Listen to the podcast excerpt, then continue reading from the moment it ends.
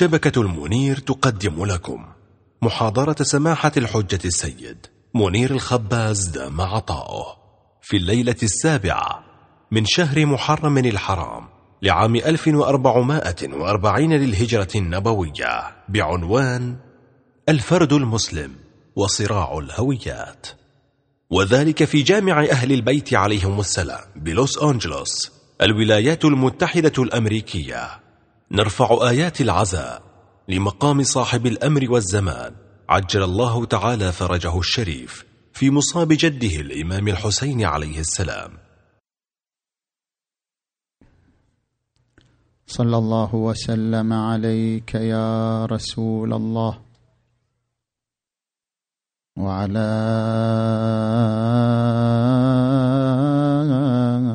أهل بيتك.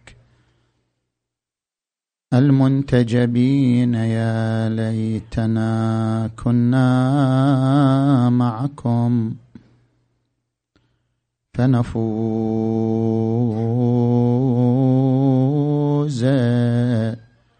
فوزا عظيما.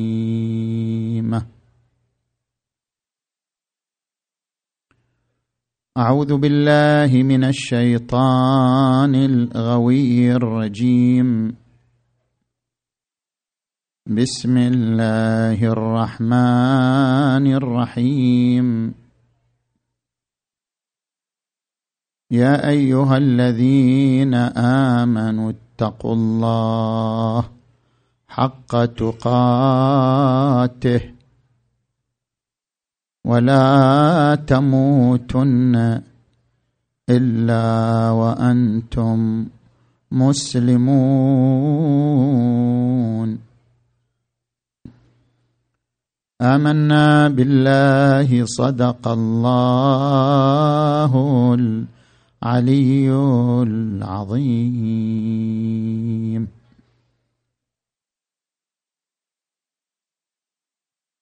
انطلاقا من الآية المباركة. نتحدث عن نقطة جوهرية ألا وهي موضوع الهوية. عندما نريد أن نتحدث عن الهوية فهنا عدة محاور نتناولها. ما هو تعريف الهوية؟ ما هي مكوناتها واتجاهاتها؟ ما هي الحاجة الماسة إلى الهوية؟ وهل هناك صراع بين الهوية الدينية والهوية المادية الغربية؟ وما هو مدى اهتمام القرآن الكريم بمسألة الهوية الدينية؟ نجي الآن إلى المحور الأول من حديثنا. ما هي الهوية؟ ما هي مكوناتها؟ عندما نرجع إلى مجلة عالم المعرفة عدد 224 تنقل عن كتاب أصول في علم الاجتماع أن الهوية هي السمات المشتركة بين جماعة معينة تكون موضع تميزهم عن غيرهم. يعني الآن مثلا تجي لأبناء العراق. لهم سمات مشتركة تميزهم عن غيرهم. لهم لهجة خاصة لهم عادات خاصة لهم تقاليد خاصة. هذه السمات المشتركة بينهم التي تميزهم عن غيرهم تسمى هوية هوية عراقية. أبناء لبنان أبناء الخليج. السمات المشتركة بين جماعات تميزهم عن غيرهم تسمى هوية. ما هي مكونات الهوية؟ يعني ما هي العناصر التي تتألف منها هوية الإنسان؟ هناك عناصر أربعة نتيجة لها تعددت الاتجاهات في الهوية. الأرض اللغة التراث الدين. هذه العناصر الأربعة هي التي تتحكم في تحديد الهوية. تجي مثلا إلى الأرض. الأرض التي ولد فيها الإنسان مسقط رأسه. أو الأرض التي عاش عليها آباؤه وأجداده. الأرض تحدد هويتك. من أين أنت؟ قل أنا من العراق أنا من لبنان أنا من إيران. الأرض التي ولدت فيها عاش فيها آبائي وأجدادي. الأرض مكون أساس من مكونات الهوية. لذلك تبارى الشعراء في مدح ترابهم وأرضهم. ولي وطن آليت ألا أبيعه وألا أرى غيري له الدهر مالكا. وحبب أوطان الرجال إليهم مآرب. قضاها الشباب هنالك. إذا ذكروا أوطانهم ذكرتهم عهود الصبا فيها. فحنوا لذلك. وقال شاعر آخر بلاد بها نيطت علي تمائمي وأول أرض مس جلدي ترابها. الحنين إلى الأرض الحنين إلى التربة مكون أساس من مكونات الهوية. النبي محمد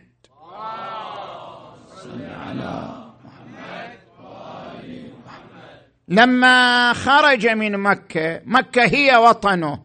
مكة هي التراب الذي ولد فيه. عاش فيه أربعين سنة خمسين سنة.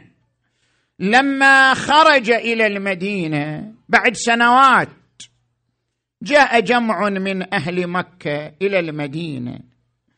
التقاهم الرسول سألهم كيف خلفتم مكة؟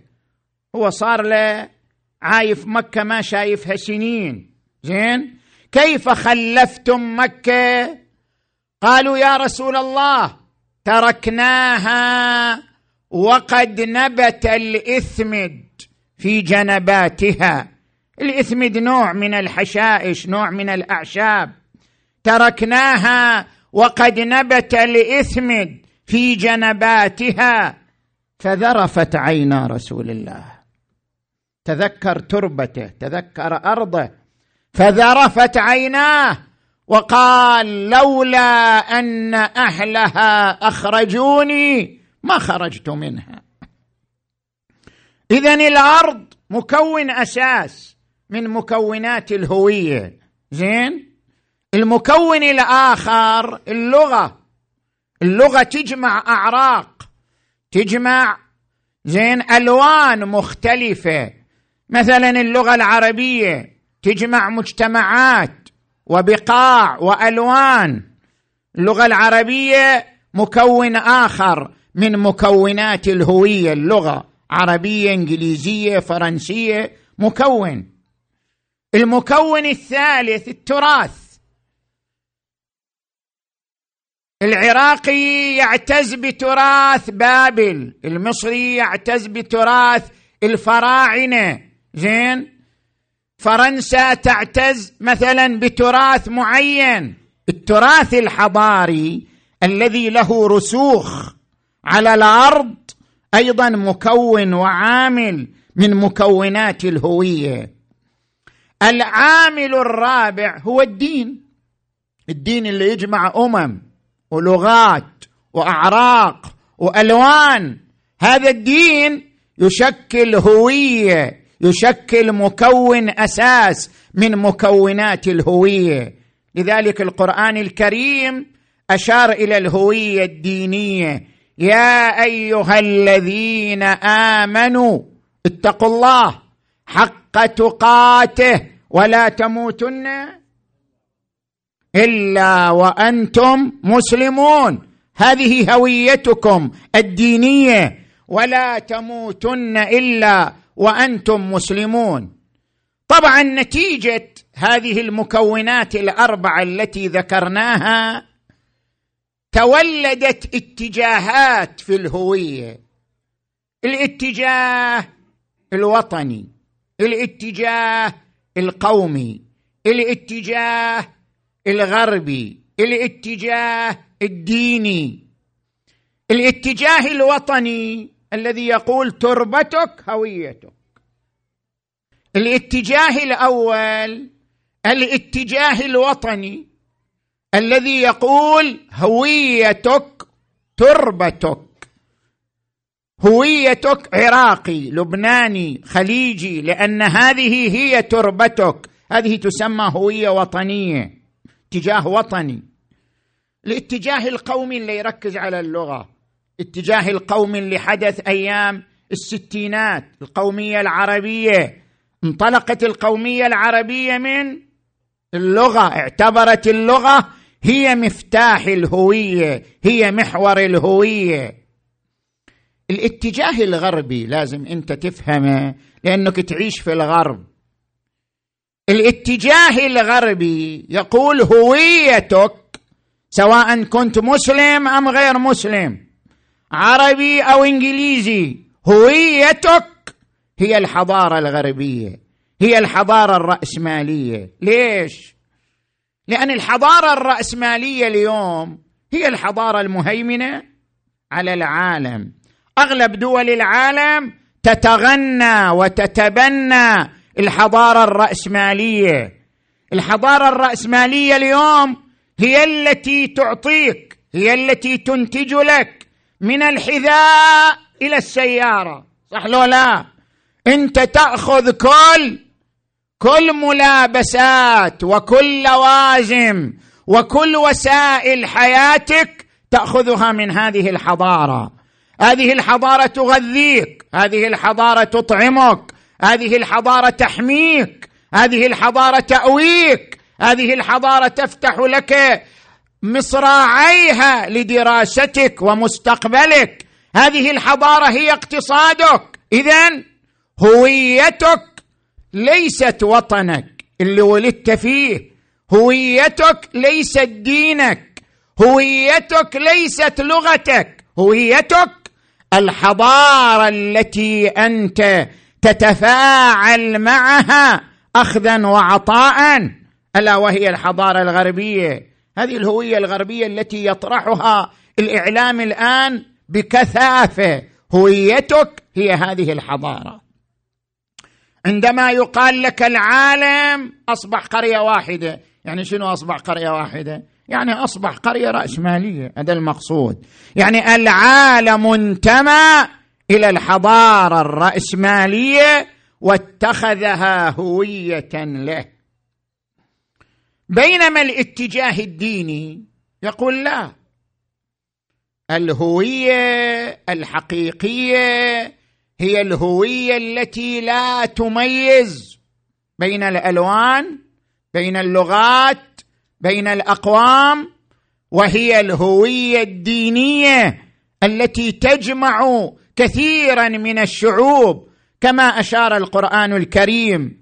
شرع لكم من الدين ما وصى به نوحا والذي أوحينا إليك وما وصينا به إبراهيم وموسى وعيسى أن أقيموا الدين ولا تتفرقوا فيه. دين واحد جمع هذه الملل كلها اليهود والمسيح والإسلام كلهم اجتمعوا تحت دين واحد. وهو الدين الإبراهيمي. ولا تتفرقوا فيه. اذا هناك هوية نسميها الهوية الدينية. جمعت هذه الملل جمعت هذه الشرائع كلها تحت عنوان السماء تحت عنوان الحنيفية تحت عنوان دين إبراهيم الخليل. عليه وعلى نبينا محمد. صلى الله عليه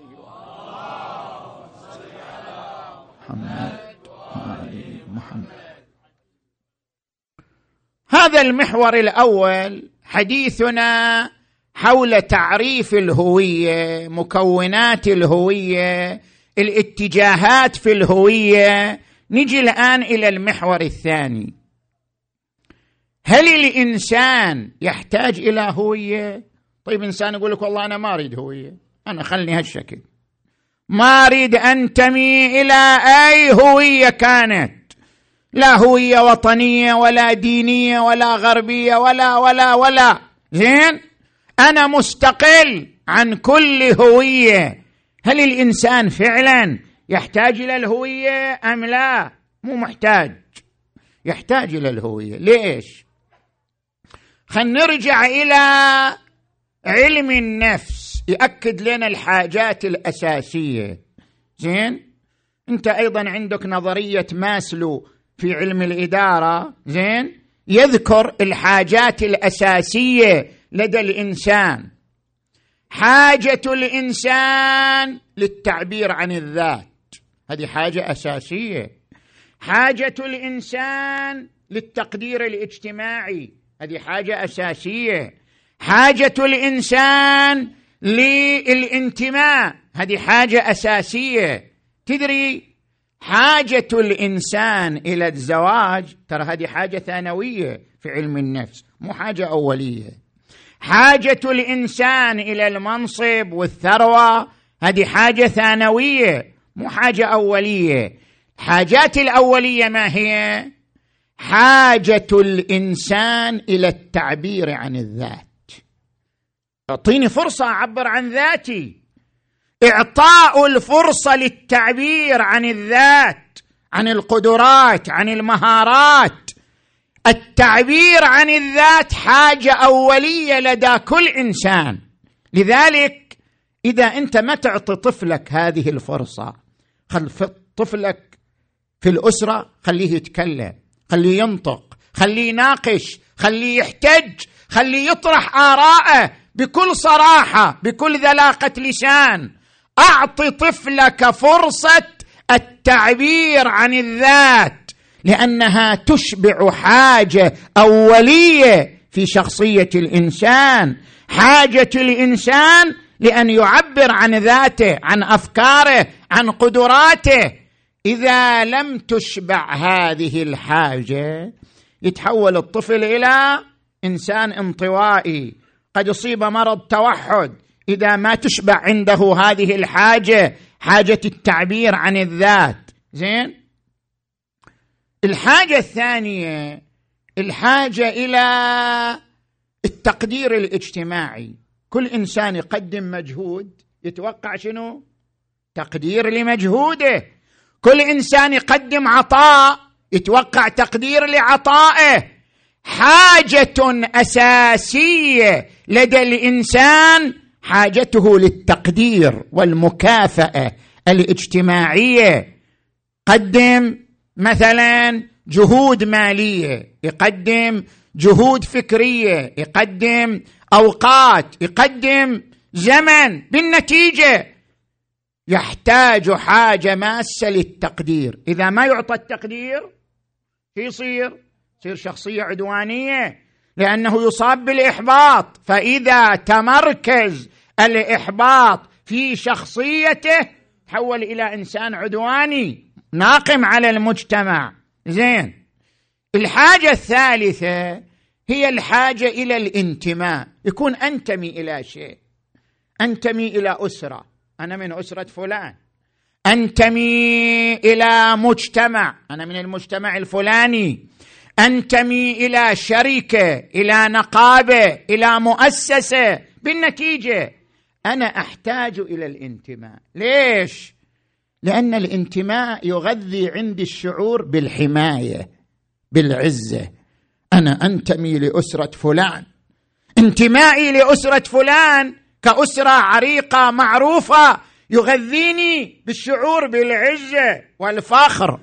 أنا أنتمي إلى الشركة الفلانية لأن هذا الانتماء يعطيني شعور بالحماية بالأمن. هذه الشركة تحمي مستقبلي تقدم لي زين تقدم لي مكافآت مالية تحمي مستقبلي ومستقبل عيالي. الشعور بالانتماء يعني الشعور بالحماية يعني الشعور بالفخر. اذا عندنا حاجات أولية. ثلاث حاجة للتعبير عن الذات الحاجة للتقدير الاجتماعي الحاجة للانتماء. هذه الحاجات الثلاث تغذيها الهوية.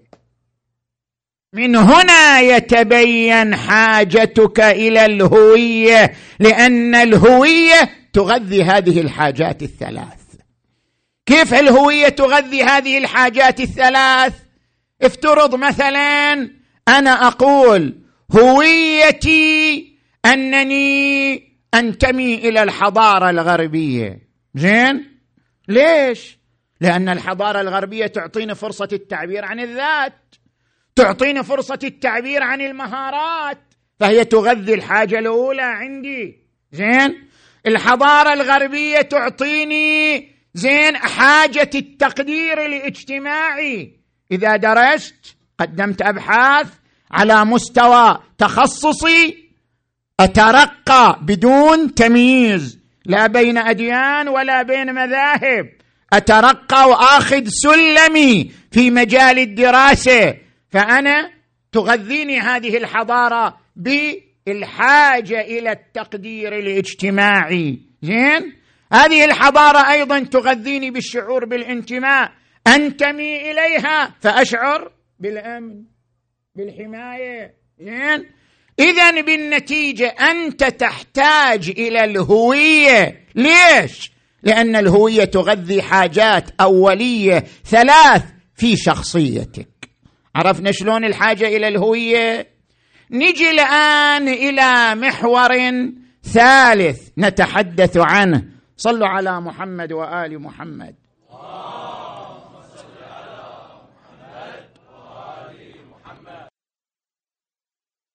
في المحور الثالث نلحظ أن هناك فكرة تطرح هنا في الغرب لدى المسلمين الذين يعيشون في الغرب. ألا وهي فكرة صراع الهويات. يقول المسلمون نحن نعيش صراعا صراعا بين الهوية الدينية وبين الهوية الغربية. خصوصا الذين ولدوا هنا خصوصا الذين عاشوا أعمارهم هنا. يقولون نحن نعيش صراع بين الهويتين بين الثقافتين بين الهوية الدينية والهوية الغربية. لماذا؟ ليش هذا الصراع موجود؟ نحن إذا تحفظنا على الهوية الدينية نشعر بالعزلة بالغربة وأننا غريبون في هذا المجتمع. وإذا تحفظنا على الهوية الغربية ذابت الهوية الدينية بشكل تدريجي وبمرور الأيام. زين؟ كيف إحنا نعالج هذا الصراع؟ الصراع بين الهويتين وبين الحضارتين. كيف نعالج هذا الصراع؟ وربما يقول شخص كما ذكرنا في المحور الآخر يقول لك أنا شنو أعطتني الهوية الدينية بالله؟ شنو قدمت لي الهوية الدينية؟ حتى أنا أقول أنا مسلم وأفتخر بكوني مسلما. شنو قدمت لي الهوية الإسلامية؟ لا أعطتني فرصة التعبير عن الذات. لا أعطتني تقدير اجتماعي لجهودي وإبداعاتي. زين؟ لا أعطتني انتماء يشعرني بالأمن والحماية. زين؟ خصوصا إذا هو مشرد من بلده إلى هذا المكان. يقول أنا ما حصلت لا أمن ولا حماية. زين كيف انتمي لهويه لم تعطني شيئا. لا تعبير عن الذات ولا تقدير اجتماعي ولا أعطتني شعورا بالأمن والحماية. فلماذا أصر على هوية لم تحقق لي مقاصد لم تحقق لي أهداف لم تغذي لي حاجات. بينما الهوية الغربية حققت لي كل هذه المآرب وكل هذه الأهداف. زين؟ ما هو جوابنا عن هذا؟ التفت إلى هذه النقطة جيدا هي صلب الموضوع عندنا. الصراع بين الهويتين الهوية الدينية والهوية الغربية على مستويات ثلاثة المستوى الفكري والمستوى السلوكي والمستوى الشعاري والطقوسي. نجي إلى كل مستوى من هذه المستويات نتحدث عنه بشكل مختصر. نجي إلى المستوى الفكري. هل هناك صراع بين الهويتين في الفكر؟ نعم هذا شيء واضح. ما نقدر ننكره؟ كيف؟ أهم الركائز التي تفترق فيها الهويتان أو قل الحضارتان الحضاره الدينية والحضارة الغربية. أهم الركائز التي تشكل فارق جوهري بين الهويتين ثلاث. الركيزة الأولى الأصالة أو الخلافة. هل الإنسان أصيل في الوجود أم هو مجرد وكيل؟ الحضارة المادية تقول الإنسان هو ال... هو الأصيل ما في شيء غير الإنسان. الإنسان هو المحور الإنسان هو المركز الإنسان هو الأصيل. ولأجل أن الإنسان هو المحور وهو الأصيل اذا الإنسان هو مصدر إدارة الحياة. هو الإنسان الذي يتكفل بإدارة الحياة ويخترع القوانين والتشريعات التي على أساسها يدير الحياة. الإنسان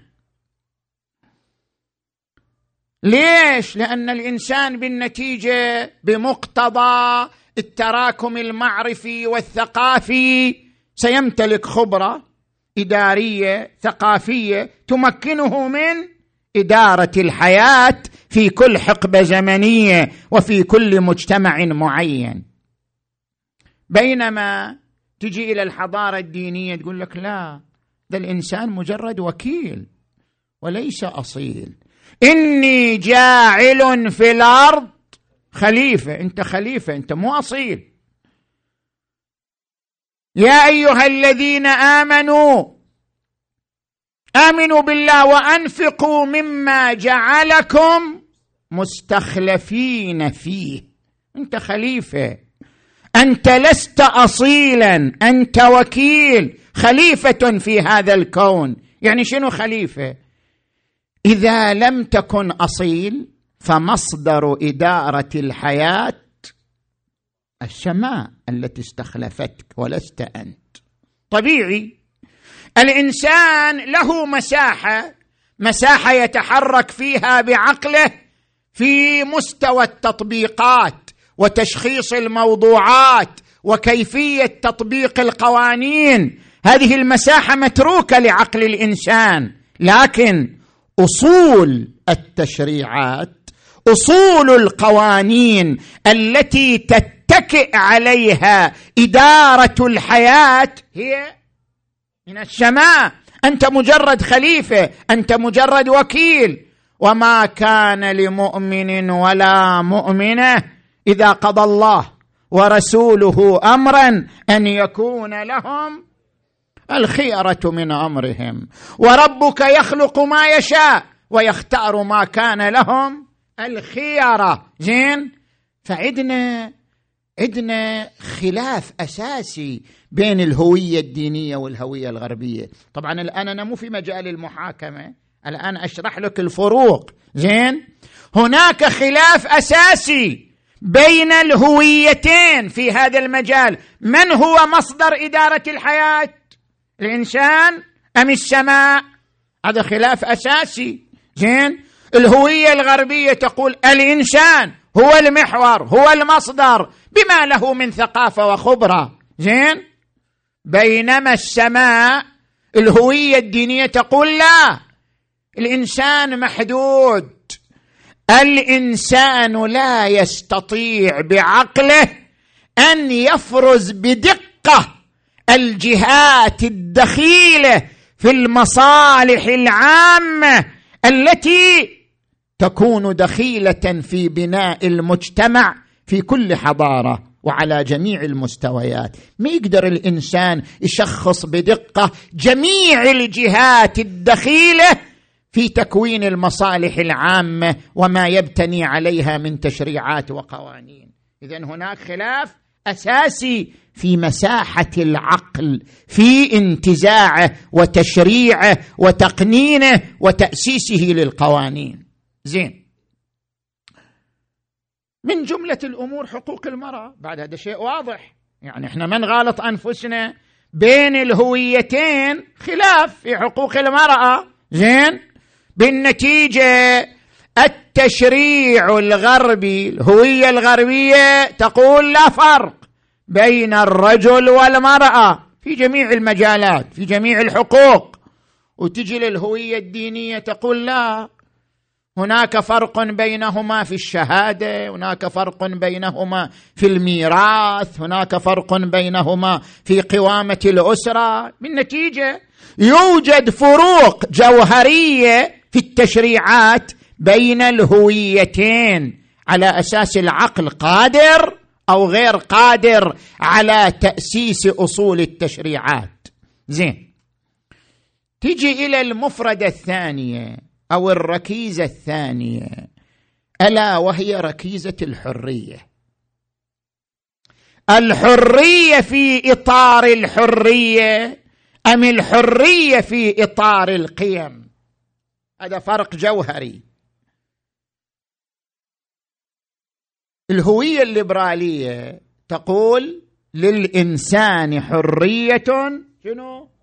مطلقة فقط في إطار الحرية. يعني الحرية في إطار نفسها. لك الحرية ما لم ترفع حرية الآخرين. فحريتك في إطار الحفاظ على حرية الآخرين. حرية محدودة بإطار الحرية. زين؟ هذه الأطروحة الليبرالية. زين. تجي إلى الأطروحة الدينية تقول لا الحرية في إطار القيم. يعني شلون في إطار القيم؟ خل أشرح لك بثلاثة أمثلة. هل لي الحرية أن أكذب؟ حتى لو كان الكذب ما يضر أحد. ما يضر أحد. أنا أكذب في عملي في وظيفتي. زين؟ كذبه لا تضر أحدا ولا يترتب عليها عقوبة. هل لي الحرية؟ الهويه الدينيه تقول لا. ليست لك الحرية على حساب القيم والمثل الإنسانية. ليس لك الحرية أن تكون كاذبا حتى لو لم يكن الكذب مضرا. ما لك الحرية. زين؟ تجي مثلا إلى قداسة الأسرة. الآن في المجتمع الغربي الأسرة ليست لها قداسة. أنت تقدر تتحرر من الأسرة في أي وقت. زين؟ وتقدر تلغي ارتباطك بأبويك في أي وقت. وإلك الحرية وما حد يقول لك لا. ما دمت وبلغت الثامنة عشر تقدر تلغي الارتباط بالأسرة نهائيا. وما له حق الأسرة مطالبتك ولا متابعتك. ولا إلى حق لا أب ولا أم عليك. زين؟ إلغاء قداسة الأسرة. هنا الهوية الدينية تقول لا. ليست لك الحرية على حساب قداسه الأسرة. لا الحريه هنا محدودة. لك الحرية لكن لا على حساب قداسه الأسرة. ووصينا الإنسان بوالديه حملته أمه وهنا على وهن. اذا الحرية ما تلغي قداسة الأسرة وأهمية الأسرة. زين؟ الأسرة هي مصدر استقرار المجتمع. الإنسان الموهوب الإنسان المنتج الإنسان المبدع يحتاج إلى استقرار نفسي. الأسرة هي التي توفر له الاستقرار النفسي الذي يعده لأن يكون إنسانا منتجا مبدعا. الأسرة ضرورية من أجل تحصيل الاستقرار النفسي للإنسان. زين. تجي الآن إلى المفردة الثالثة الركيزة الثالثة. هل الإنسان له الحرية حتى على حساب الإحسان إلى الآخرين. يعني الآن أنت تعيش في المجتمع الغربي.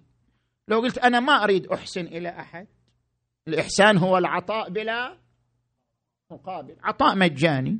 تعطي من وقتك من جهدك من أموالك من من إلى آخره. مجانا بلا مقابل. لو قال إنسان أنا ما أريد أعطي أحد بلا مقابل لا أريد أن أمارس الإحسان. هل يجبره أحد في المجتمع الغربي؟ لا يقول له بكيفك. تريد تحسن ما تريد تحسن. بينما الهوية الدينية تقول لا.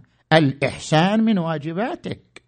أن تعطي بلا مقابل هذا من حقوق المجتمع عليك. ويؤثرون على أنفسهم. ولو كان بهم خصاصة لن تنالوا البر حتى تنفقوا مما تحبون الذين ينفقون. اذا بالنتيجة المجتمع له حق عليك أن تقدم له إحسان بلا مقابل.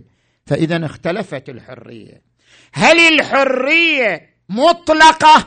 ما لم تصطدم بحرية الآخر؟ أم الحرية في إطار القيم الإنسانية؟ لك الحرية ما لم تنسف وتضرب القيم الإنسانية كقيمة الصدق كقيمة الأسرة كقيمة الإحسان إلى المجتمع الإنساني. اذا الدين والهوية الدينية عندما تقرر أن الحرية في إطار القيم لأنها تعتقد أن هذا الإطار هو الذي يحفظ التوازن بين المصالح الفردية والمصالح الاجتماعية. فلازم تصير في إطار القيم. زين. نجي إلى الركيزة الثالثة. بين الهويتين في مجال الفكر. هل الإنسان ذو بعدين أو ذو أبعاد؟ ثلاثة. انتبه لي إلى هذه النقطة تهمك جدا وأنت تعيش في الغرب. زين. تجي إلى علم النفس علم الاجتماع اللي اغلبه نتاج غربي. زين؟ يقول لك الإنسان ذو بعدين جسم ونفس. لذلك هو يحتاج إلى الصحة الجسمية والصحة النفسية. وشرحنا في ليلة من الليال الصحة النفسية. الإنسان ذو بعدين يحتاج إلى صحة جسمية وصحة نفسية. إذا حصل على هذين البعدين خلاص ما يحتاج إلى شيء آخر. ما دام إنسانا يعمل وله راتب ووسائل الحياة الكريمة موفرة له ويعيش صحة نفسية بمعنى أنه يعيش قادرا على الفاعلية. على الإبداع على التكيف على التوازن. اذا فهو إنسان حقق أهدافه في الحياة. هذه هي الحياة. الحياة أن تعيش صحة بدنية وصحة نفسية. هذه هي الحياة. هذا هو الهدف الأسمى في الحياة. خلصنا. بينما الهوية الدينية تقول لا الإنسان ثلاثة أبعاد. جسم نفس روح. الروح غير النفس. الروح هي الأساس. الروح هي المحور. كيف يعني تفت إلي جيدا؟ كيف الروح غير النفس؟ صلوا على محمد وآل محمد.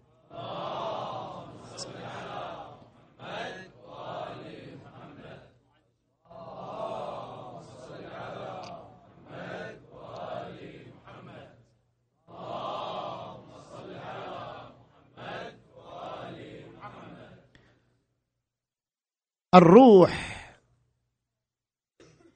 برأها الله في عالم الذر قبل هذا العالم.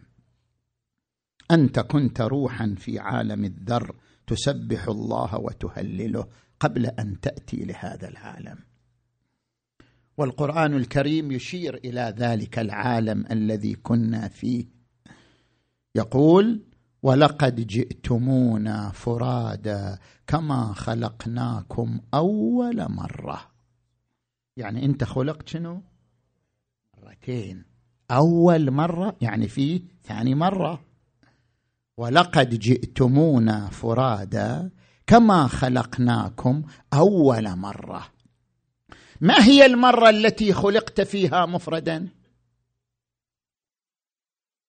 انت في عالم الدنيا خلقت مفردا؟ طبعا لا. جئت في عالم الدنيا من أب وأم فتحت عينك شفت الناس حولك. فالخلق في عالم الدنيا ليس مفرد بل جماعي. أنت جئت إلى الدنيا جمعا لا مفردا. فمتى المرة التي خلقت فيها مفردا؟ لأن الآية تقول ولقد جئتمونا يعني بعد الموت بعد الموت ترجع شنو؟ مفرد. ولقد جئتمونا فرادا كما خلقناكم أول مرة. يعني المرة التي خلقناكم فيها فرادا الآن رجعتم إليها مرة أخرى. ما هي تلك المرة التي خلقتم فيها فرادا عندما كنتم ارواحا في عالم الذر. ما كان عندك لا أب ولا أم ولا نسب ولا عشيرة ولا أصدقاء ولا شيء. ابدا. كنت وحدك في عالم الذر. روحا تسبح الله وتهلله. أنت الآن نسيت عالم الذر. مثل ما نسيت عالم الرحم. تتذكر أنت شلون كنت في رحم أمك؟ ما تتذكر؟ زين؟ كما نسيت عالم الرحم نسيت عالم الذر. متى تذكر؟ متى تتذكر عالم الذر؟ إذا أغمضت عينيك. إذا جاء الموت وأسلمت الروح وأغمضت العين تلتفت. لا أنا كنت في هذا العالم يوم من الأيام. أنا كنت في هذا الجو يوم من الأيام. وين؟ أنا ابتعدت عن هذا العالم. أنا كنت بين جزيرتين. جزيرة هي عالم الذر. جزيرة هي ما بعد الموت. أبحرت سبحت في البحر بين الجزيرتين إلى أن وصلت الجزيرة الثانية. لما وصلت الجزيرة الثانية تذكرت الجزيره الأولى.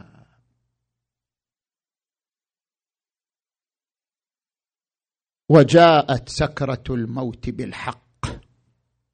ذلك ما كنت منه. تحيد كنت تخاف من الموت تفر منه.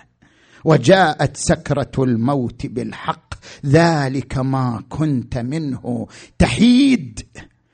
ونفخ في الصور. ذلك يوم الوعيد. وجاءت كل نفس معها. سائق وشهيد لقد كنت في غفلة من هذا. لما كنت في الدنيا كنت ناسي كنت غافل الآن تذكرت لقد كنت في غفلة من هذا فكشفنا عنك غطاءك فبصرك اليوم حديد. انت الآن التفت إلى عالم آخر عالم الأرواح عالم الأشباح. زين. كنت روحا في عالم الذر. لما علقت البويضة الملقحة بويضة الأم والمادة المنوية للأب علقت بجدار الرحم التصقت بجدار الرحم وبدأت تنمو. هذه البويضة الملقحة. لقد خلقنا الإنسان من سلالة من طين ثم جعلناه نطفة في قرار. قرار يعني التصقت بجدار الرحم. في قرار مكين. ثم خلقنا النطفة علقة فخلقنا العلقة مضغة فخلقنا المضغة عظاما فكسونا العظام. لحما ثم أنشأناه خلقا آخر فتبارك الله أحسن الخالقين. بعد 12 أسبوع الروايات تحدد بعد 12 أسبوع من تكون من نمو هذه النطفة بعد 12 أسبوع تنشأ العلاقة بين الروح. وبين هذه النطفة المتكونة في الرحم. تبدأ العلاقة بينهما. تبدأ الروح تبث شعاعها في هذا الجسم الذي تكون خلال 12 أسبوع. بدأت الروح تبث شعاعها ثم يأتي القرآن يتكلم عن هذه المرحلة ثم أنشأناه خلقا آخر. جاء الشعاع من الروح فتبارك الله أحسن الخالقين. لما ارتبطت الروح بالجسم نشأت النفس. ترى النفس غير الروح. النفس حصلت بعدين. لما تعلقت الروح بالجسم نشأت النفس. النفس هي عبارة عن المشاعر والعواطف والأحاسيس التي أنت تملكها. نشأت لك بعد علاقة الروح بالجسم. فأنت لك بعد ثالث اسمه الروح. هذا البعد هذا الجزء له أسئلة ثلاثة فطرية. كل إنسان عنده هذه الأسئلة. مسلم غير مسلم هندوسي بوذي أي إنسان بمجرد أن يفهم يطرح على نفس الأسئلة الثلاثة. الله خلقه ولديه الأسئلة الثلاثة. من أين جئت أنا؟ وأين أسير؟ وإلى أين سأنتهي؟ كل إنسان يطرح هذه الأسئلة الثلاثة على نفسه ويحتاج إلى جواب. الهوية الغربية لا تجيب عن أسئلتك الثلاثة. ولا توفر مسارا لتعبئة هذه الأسئلة الثلاثة الهوية الدينية هي التي تجيب عن هذه الأسئلة الثلاثة وتوضح لك المسار. إليا أبو ماضي الشاعر اللبناني شاعر المهجر يقول جئت لا أعلم من أين ولكني أتيت. يعني بعد ما أقدر أجاوب على هالسؤال جئت لا أعلم من أين ولكني أتيت ولقد أبصرت قدامي طريقا فمشيت وسأبقى سائرا إن شئت هذا أو أبيت. كيف جئت؟ كيف أبصرت طريقي؟ لست أدري. وطريقي ما طريقي؟ أطويل أم قصير؟ أأنا أصعد أم أهبط فيه أم أغور؟ أأنا السائر في الدرب أم الدرب يسير؟ أم كلانا واقف والدهر يجري؟ لست أدري. هذا يحكي أن الإنسان يعيش صراع مع هذه الأسئلة الثلاثة. من أين جئت؟ وأين أمضي؟ وفي أي طريق أسير. هذه الأسئلة الثلاثة حاجة معرفية للبعد الثالث. ألا وهو البعد الروحي؟ فلا بد من الإجابة عنها ولا بد من تهيئة المسار لها. من هنا ورد عن الرسول محمد.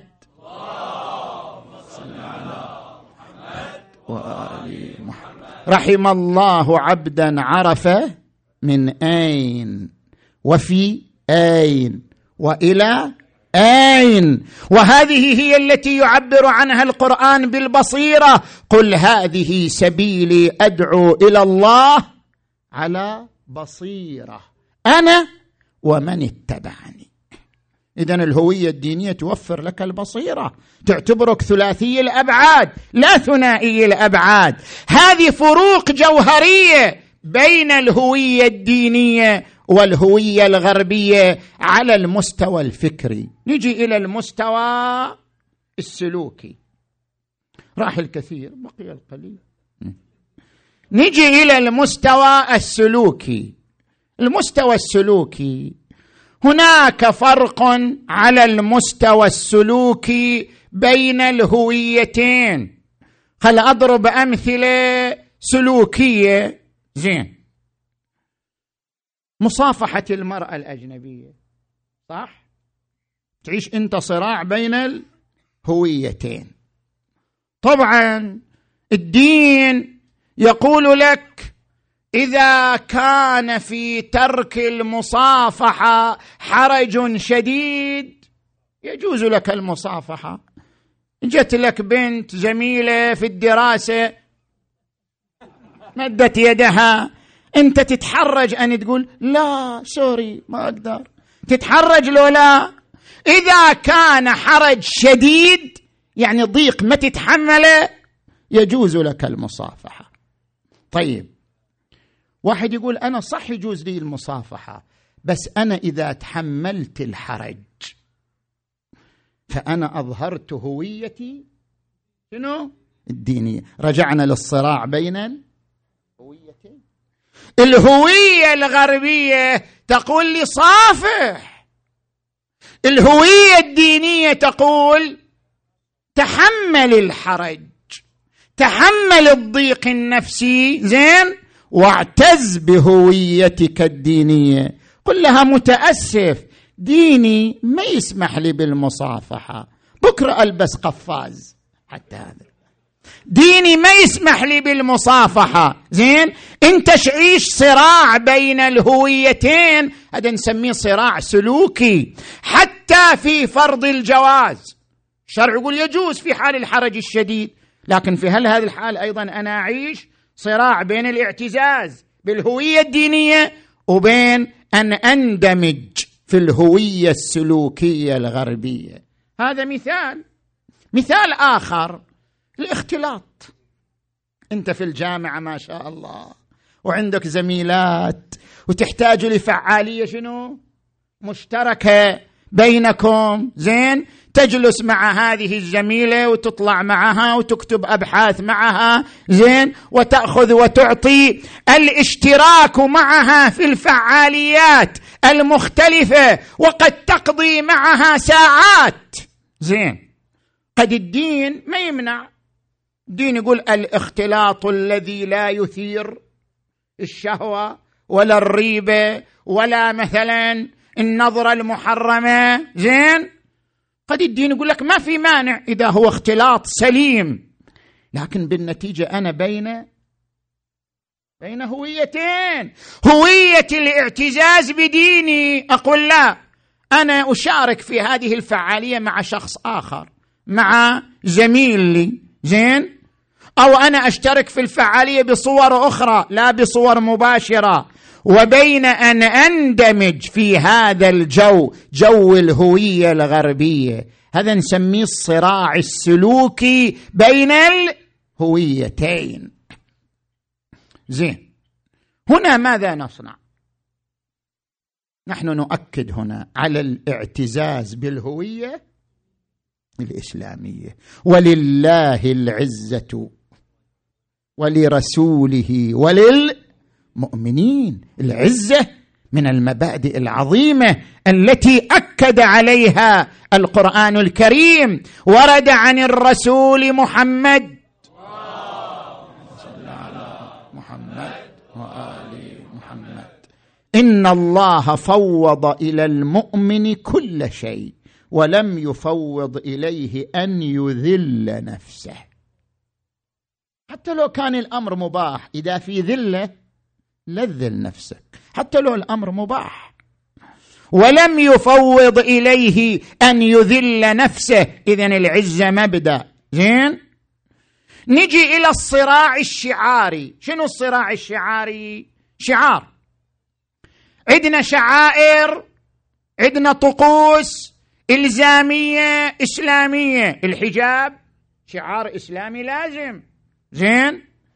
عدم دخول البارات شعار إسلامي لازم. ما تدخل البارات. لازم المرأة تتحجب. عندنا شعار إسلامي راجح. وإن لم يكن لازم المسجد. هذا شعار إسلامي راجح. زين؟ لكن هناك شعارات إحنا نعيش فيها صراع. اسمحوا لي بعض الشباب أن أتكلم. هناك شعارات نحن نعيش فيها صراعا بين الهوية الدينية والهوية الغربية. خل أترك لك أذكر هذه الأمثلة. لبس القلادة. قلادة. قلادة خصوصا إذا كان فيها شعار لطيف. هذا شعار من شعارات الهوية الغربية بس قلاده زين. شعار مثلا الوشم. شوف الوشم من فوق إلى تحت. زين. شعار مثلا وضع الورود على القبر. صح لو لا؟ هذا شعار غربي مو شعار ديني. وضع الورود على قبر الميت مثلا. أو دفن الميت مع التابوت. هذا شعار غربي مو شعار ديني. زين الصداقة مع الكلب. انت تربي الكلب مو مشكلة تربية الكلب. كلب نجس لكن يجوز تربيته. تربيته جعله في البيت. جائز شرعا لكن عن تتحول لصداقة؟ هذه يعني شوية. زايدة. زايدة. زين. واحد دعاني إلى بيته. هنا في بعض الولايات ما أذكر الاسم. دعاني إلى البيت وقال أنا عندي موضوع أريدك تتحدث معي مع أولادي داخل البيت. ما يخالف.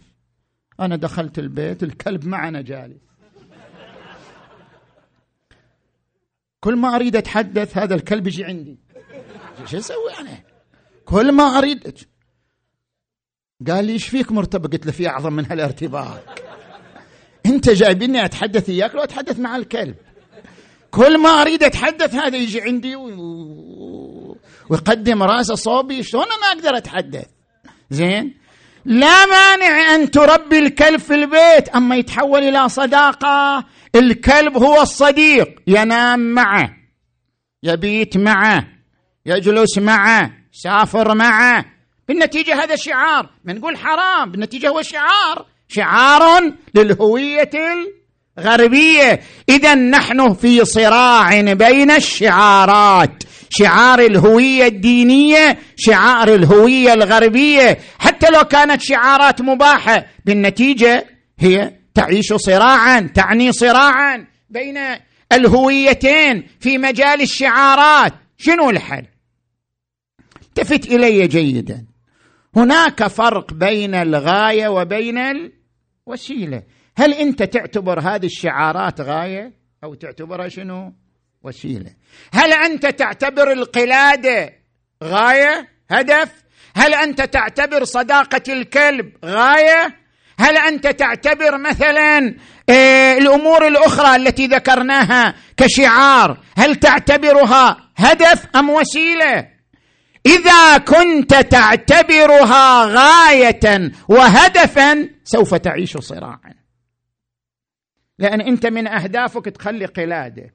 من أهدافك يكون لك صداقة مع الكلب. من أهدافك أن تخلي وشم. إذا اعتبرت الشعار هدف سوف تدخل في صراع. أما إذا اعتبرته مجرد وسيلة أنا لماذا ألبس القلادة؟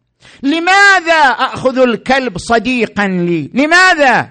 فقط لكي أشعر بالاندماج مع هذا المجتمع الذي أنا أعيش فيه. اذا هو وسيلة وليس هدف. بما أنه وسيلة يمكن أن أتخذ وسيلة أخرى تقوم مقامه وتحقق لي الاندماج مع المجتمع الذي أنا فيه. ممكن أتخذ هذه الوسيلة لكن بحدود أن لا تؤثر على ذوبان الهوية الإسلامية. افترض الآن جاك واحد المأتم الليلة ليلة. ليلة العباس وما تشوف إلا واحد داخل بالكلب ولابس شورت وحاط القلادة وداخل المأتم والله هذا شعاري هويتي. طبيعي هذا ما مقبول. ليش؟ لأنك اعتبرت الشعار هدفا يؤثر على ذوبان الهوية الدينية ويصادم مع الهوية الدينية. فمتى ما اتخذته وسيلة سوف تستطيع التوفيق بين الهويتين في مجال الشعار بخلاف ما إذا اتخذته شنو؟ غاية. زين نجي إلى المحور الأخير وأختم به. ما هو منظور القرآن الكريم للهوية الدينية؟ القران الكريم له عدة مداليل تركز على الهوية الدينية. المدلول الأول احترام الهوية الدينية والاعتزاز بها. يا أيها الذين آمنوا اتقوا الله حق تقاته ولا تموتن لا وأنتم مسلمون. إن الدين عند الله الإسلام ولله العزة ولرسوله وللمؤمنين. اعتزاز بالهوية الدينية. تقديمها على راحتك على وسائل الراحة عندك. زين؟ هذا المدلول الأول. المدلول الثاني تجسيد الهوية الدينية في علاقاتك الاجتماعية. كيف؟ القرآن الكريم يقول كنتم خير أمة أخرجت للناس تأمرون بالمعروف. شلون أنتم تجسدون هويتكم الإسلامية؟ بالأمر بالمعروف والنهي عن المنكر. لابد أن تجسد هويتك الدينية من خلال الأمر بالمعروف والنهي عن المنكر. كن ناصحا لزوجتك بالحجاب. كن ناصحا لابنتك بالتزام التعاليم الإسلامية. كن ناصحا لصديقك وزميلك في الدراسة. كن ناصحا لأصدقائك الذين تراهم. هويتك الدينية تتجسد في مسؤولية الأمر بالمعروف والنهي عن المنكر. والمؤمنون والمؤمنات بعضهم أولياء بعض يأمرون بالمعروف. وينهون عن المنكر. والعصر إن الإنسان لفي خسر إلا الذين آمنوا وعملوا الصالحات و وتواصوا بالحق وتواصوا بالصبر. مسؤولية هذه. زين. المدلول الثالث. من مداليل القرآن في التركيز على الهوية الدينية ألا وهو التنشئة الأسرية. قوا أنفسكم وأهليكم. أنت مو مسؤول عن نفسك فقط مسؤول عن أولادك أيضا. قوا أنفسكم وأهليكم نارا. الأسرة هنا في الغرب عليها مسؤولية كبيرة. الأبوان عليهما مسؤولية خطيرة. كثير من الآباء مع الأسف آخر ما يهتم له ابنائه الأب مشغول في العمل. والأم أيضا تشتغل تعمل والنتيجة هذا الطفل تربيه الحضانة تربيه المدارس الغربية. ثم إذا كبر وأصبح شاذا في سلوكه وأصبح منحرفا في طريقه وأصبح يحمل افكارا غريبة تاذى الابوان وتالما وما وما انحرافه إلا نتيجة شنو؟ إهمال أبويه ورد عن الرسول صلى الله عليه وآله لعن الله أبوين حملا ولدهما على عقوقهما.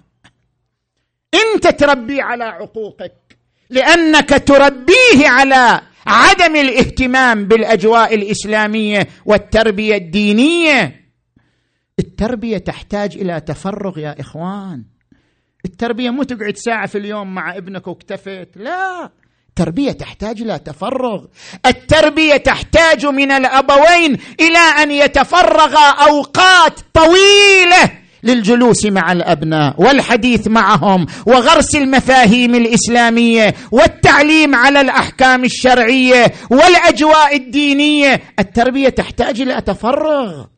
قوا أنفسكم وأهليكم نارا وقودها الناس والحجارة أيضا ورد عن النبي محمد.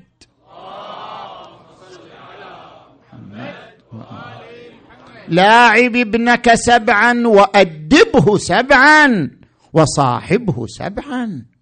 خذ هذا طريق. سبع السنوات الأولى كن كصديق له. يلعب معه سبع السنوات الثانية طرح له الآداب القيم التعاليم الإسلامية. مروا أبناءكم بالصلاة لسبع نحن نأمر أبناءنا بالصلاة لخمس يقول الصادق. فمروا أبناءكم بالصلاة لسبع ونحن نأمر أبناءنا بالصيام لسبع. فمروا أبناءكم بالصيام لتسع. وأدبه سبعا وصاحبه سبعا. بعد ما يصير عمره 14 سنة كن صديقا له تفهم مشاعره تفهم أفكاره حتى ينطلق معك في الصداقة ويبيح لك بأسراره وخواطره. اذا التربية الأسرية ضرورية جدا. الآن أنتم عندكم هنا مدرسة إسلامية زين؟ تعينكم على تربية أبنائكم. توفر الوقت الكافي لتربية أبنائكم. تربية إسلامية صحيحة. هذه المدرسة الإسلامية تحتاج إلى الدعم تحتاج إلى المعاضدة تحتاج إلى المؤازرة لأنها تأخذ على عاتقها مسؤولية ضخمة وهي الاهتمام بالجيل في تنشئة إسلامية رائعة وبديعة. زين نجي إلى المدلول الأخير. ألا وهو ولتكن منكم أمة يدعون إلى الخير ويأمرون بالمعروف. الدعوة إلى الخير. في الغرب دور المراكز الإسلامية دور خطير. هذا اللي تشوفه الوضع الموجود هذا الوضع ما يكفي. نحن الآن نفتح مراكز إسلامية في الغرب. ماذا تقوم؟ حسينية نقلناها من النجف جبناها هنا. ها هي. حسينية نقلناها من كربلاء جبناها هنا في الغرب. المراكز الإسلامية عملها في الغرب كعمل الحسينيات في الشرق تقيم المناسبات الإسلامية بأي شكل من الأشكال وتوزع التمن والقيمة. آه هذا هو الدور العظيم الدور الكبير الذي نقوم به. لا. هناك دور خطير خطير جدا ملقى على عاتق من يتصدى للمراكز الإسلامية. دور خطير ضروري لمن يتصدى للمراكز الإسلامية ألا وهو دور التخطيط لبرامج جذابة وفعالة. أنت من تنشئ مركز المركز مو بس مكان. المركز مو بس زمان المركز مو بس مناسبات دينية المركز يعني أن تضع خطة خطة سنوية خطة خمسية خطة عشرية هذه الخطة تتضمن برامج شبابية برامج جذابة للشباب. جذابه للأطفال جذابه للأجيال. أن تضع من خلال هذه المراكز برامج مدروسة جذابة ليشعر الطفل أنه جزء من المركز. ويشعر الشاب أنه جزء من المركز. وتشعر الشابه أنها جزء من المركز. لأن الجميع يتلقى برامج فعالة جذابة يتفاعل معها ويتناغم معها. بالتالي يصبح المركز داعية إلى الخير يصبح المركز مصداقا لقوله تعالى ولتكن منكم أمة يدعون إلى الخير ويأمرون بالمعروف وينهون عن المنكر. نحن مسؤولون عن تربية أجيالنا على الاعتزاز بالدين. على الاعتزاز بالمبادئ على غرس القيم والمبادئ الدينية في نفوسهم. وهذه المسؤولية هي مسؤولية الأسرة هي مسؤولية المراكز الدينية هي مسؤولية العلماء هي مسؤولية الخطباء. تربية هذا النشء على القيم من خلال برامج جذابة. لا من خلال مناسبات نقيمها وينتهي مفعولها بانتهاء وقتها.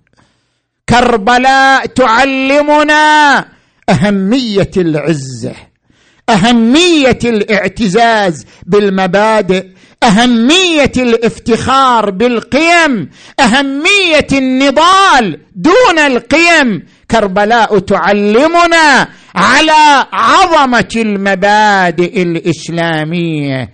كربلاء تعلمنا والله إن قطعتم يميني إني أحامي ابدا عن ديني. ديني أهم من حياتي ديني أهم من وجودي ديني أهم من كل وسائل الحياة. إني أحامي ابدا عن ديني وعن إمام صادق اليقين. دفاع عن القيم دفاع عن المبادئ. هذه الشهامة هذه العظمة.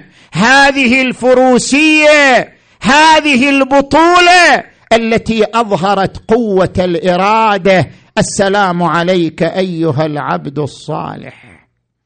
المطيع لله ولرسوله ولأمير المؤمنين وللحسن والحسين. أشهد أنك قد بذلت النصيحة. أشهد أنك قد بالغت في النصيحة وأعطيت غاية المجهود هنيئا لأم البنين. أم البنين الأربعة المرأة العظيمة اللي بذلت أولادها في سبيل المبادئ اللي بذلت أولادها في سبيل الدين في سبيل الحسين عليه السلام. هنيئا لهذه المرأة. هذه المرأة العظيمة التي عندما ولد أبو الفضل العباس. في بعض الأخبار جيء بهذا الطفل إلى والده أمير المؤمنين وهو محبوف بقماطه. زين؟ وإذا بالطفل يمد يديه من تحت القماط أخذ الإمام علي كفيه يقلبهما ويبكي. قالت أم البنين ما يبكيك يا أبا الحسن؟ وهذا طفل وليد صغير. قال تذكرت ما يجري عليه. قالت ما الذي يجري عليه؟ أبا الحسن قطعت نياط قلبي. قال كأني بهاتين الكفين تقطعان ام كربلاء. قالت على ما تقطعان. قال يذهب لأخذ الماء لعيال الحسين فتقطع كفاه. قالت أبا الحسن هذا ليس مصيبة. هذا الذي قلت ليس خبرا محزنا. هذا خبر مفرح. الحمد لله الذي جعل ولدي فداء لأبي عبد الله الحسين. ومصيبته وصارت هالمرأة العظيمة ها تنتظر ذاك اليوم اللي يكونوا أولادها فداء لأولاد فاطمة الزهراء. فداء لأولاد أمير المؤمنين ها؟ إلى أن جاء بشر بن حذلم إلى المدينة ها؟ ناعيا للحسين وقف بين بيوت بني هاشم ها؟ ورفع صوته يا أهل يثرب لا مقام لكم بها. قتل الحسين فمدمعي مدرار.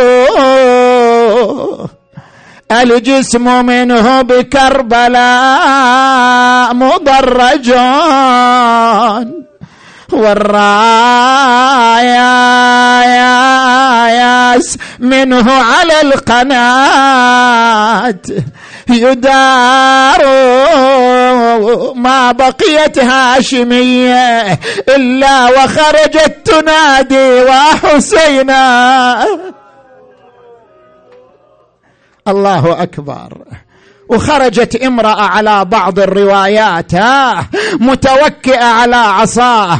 قالت أيها الناعي قف قليلا أريد أن أسألك. قال من أنت؟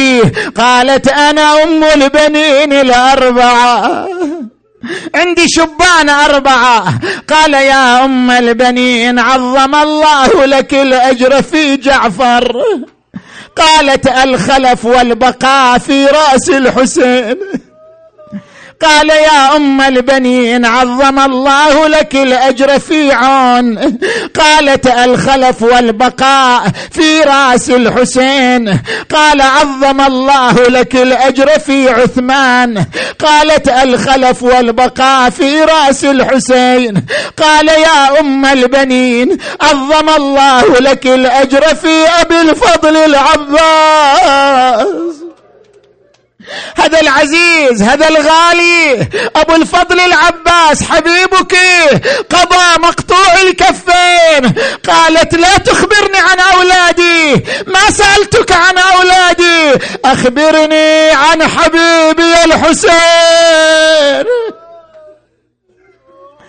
أخبرني عن عزيزي الحسين. قال يا أم البنين إذا خذي حجرا من الأرض واضربي على رأسك فلقد قتل الحسين. وإذا بها تلطم على رأسها وتنادي وولدا وحسين.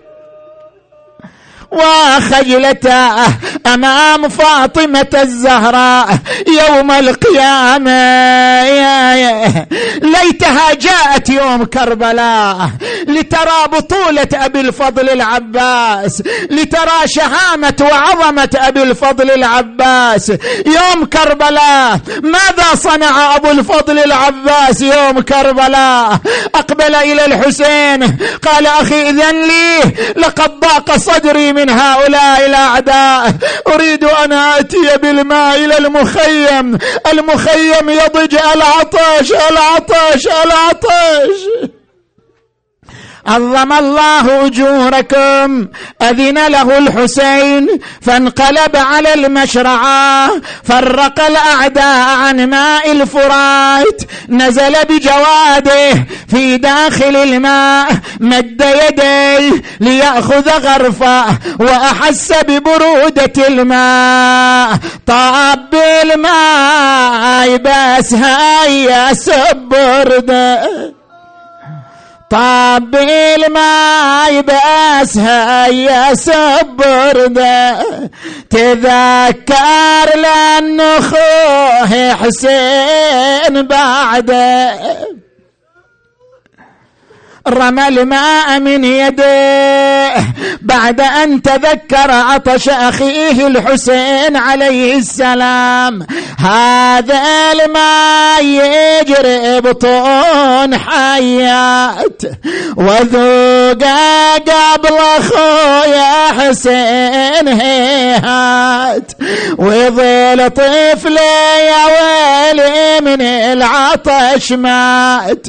وظن عمر عمري انقضى والاجل قصر. شلون اشرب واخويا حسين عطشة؟ انت وياه ويا العطشان ها اقرأ هذه الابيات معي بصوتك ها. شلون اشرب واخويا حسين؟ وساكنة والحرام وأطفال رض. وأظن قلب العليل اشتعل نيرة. يا نفس من بعد الحسين هوني وبعده لا كنت أو تكوني. هذا حسين وارد المنون وتشربين بارد المعين. رمى الماء من يديه وملأ القربه وحمل على القوم يريد العودة إلى الخيام. عظم الله أجوركم فتكاثروا عليه. وحجزوه عن المخيمات وداروا من حوله فكمن إليه العين فضرب القربه وأراق ماءها ثم كمن إليه لعين آخر فضربه بالسيف على يمينه. فقطعها. قال والله إن قطعتم يميني. إني أحامي أبدا عن ديني وعن إمام صادق اليقين. اتكأ على شماله يريد أن يقاتل بها فكمن إليه لعين آخر ضربه بالسيف على شماله فقطعها. قال ألا ترون معشر الكفار؟ قد قطعوا ببغيهم يساري فأصلهم يا رب حر النار. بينما هو واقف فكمن إليه ابن الطفيل بعمود من حديد. ضربه بالعمود على رأسه.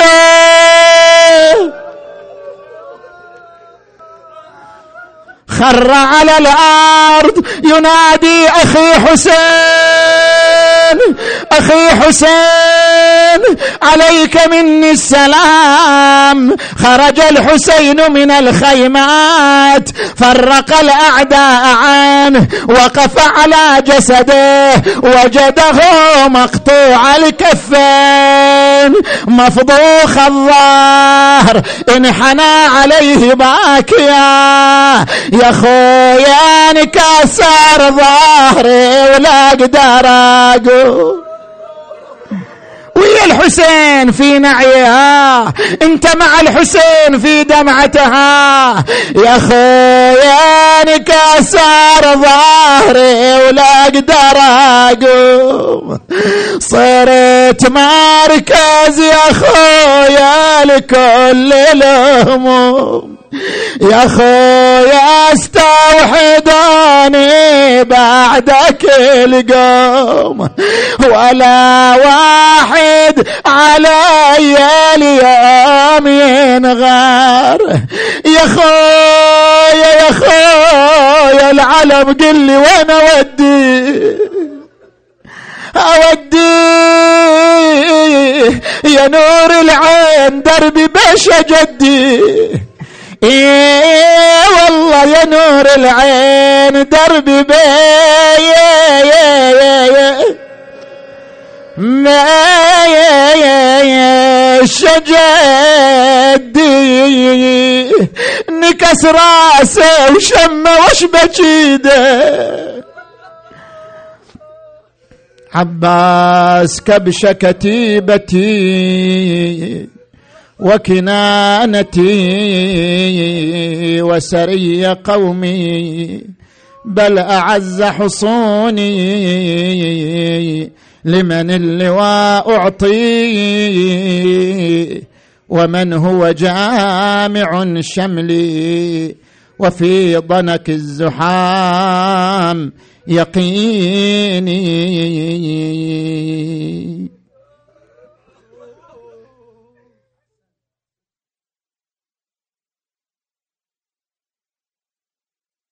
الليلة نتضرع ونتوسل إلى الله تبارك وتعالى. نتوسل إليه بأبي الفضل العباس. نتوسل إليه بأم البنين الأربعة.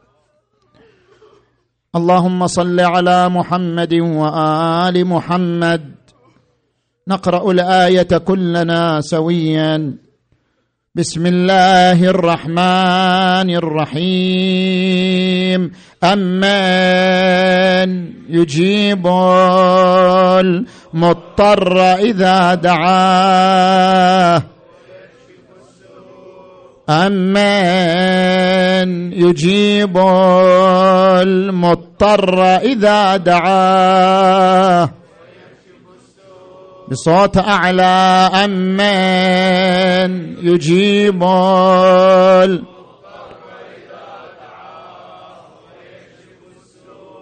أمن